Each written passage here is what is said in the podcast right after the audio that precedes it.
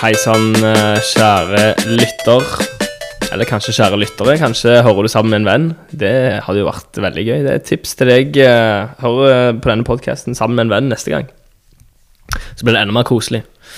Med kanskje litt sjokolade til òg, så blir det enda mer koselig enn det igjen. Jeg har lyst til å ta deg med til en historie fra Matteus kapittel 9.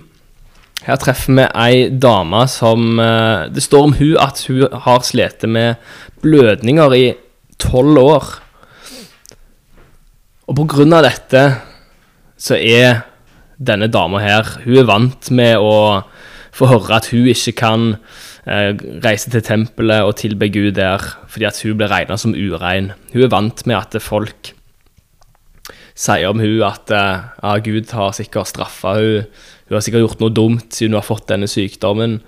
Hun er vant med at folk holder litt avstand, og at folk eh, ikke vil ha noe med hun å gjøre pga. disse blødningene som hun sliter med.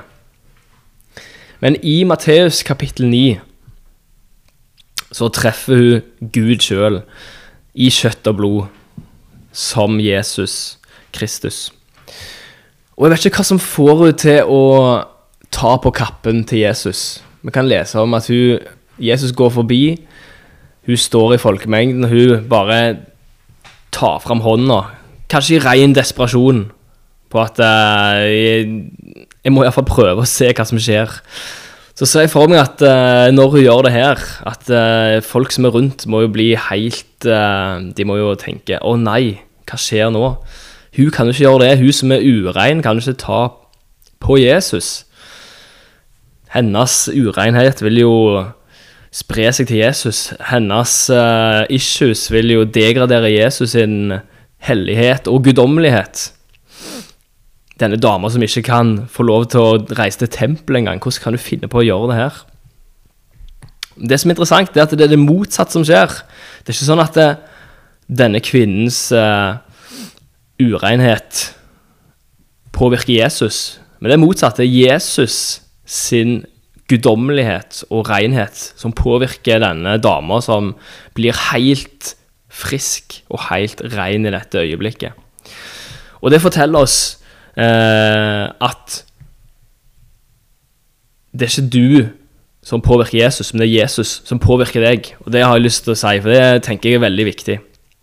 Det er ikke sånn at dine synder degraderer Jesus og skitner til Jesus når du kommer til han med de. Nei, det er motsatt. Det er han som tilgir og fjerner dine synder og gjør deg ren. Det er ikke sånn at når du kommer til Jesus og sliter litt med å tro, så er det sånn at Jesus òg begynner å behandle deg på en annen måte. At Jesus har mindre tro på deg, og at Jesus blir litt mindre trofast siden du er det. Nei, det er motsatt. At Jesus han er perfekt, trofast, og det er han som gjør deg trofast. Det er ikke du som gjør han troløs.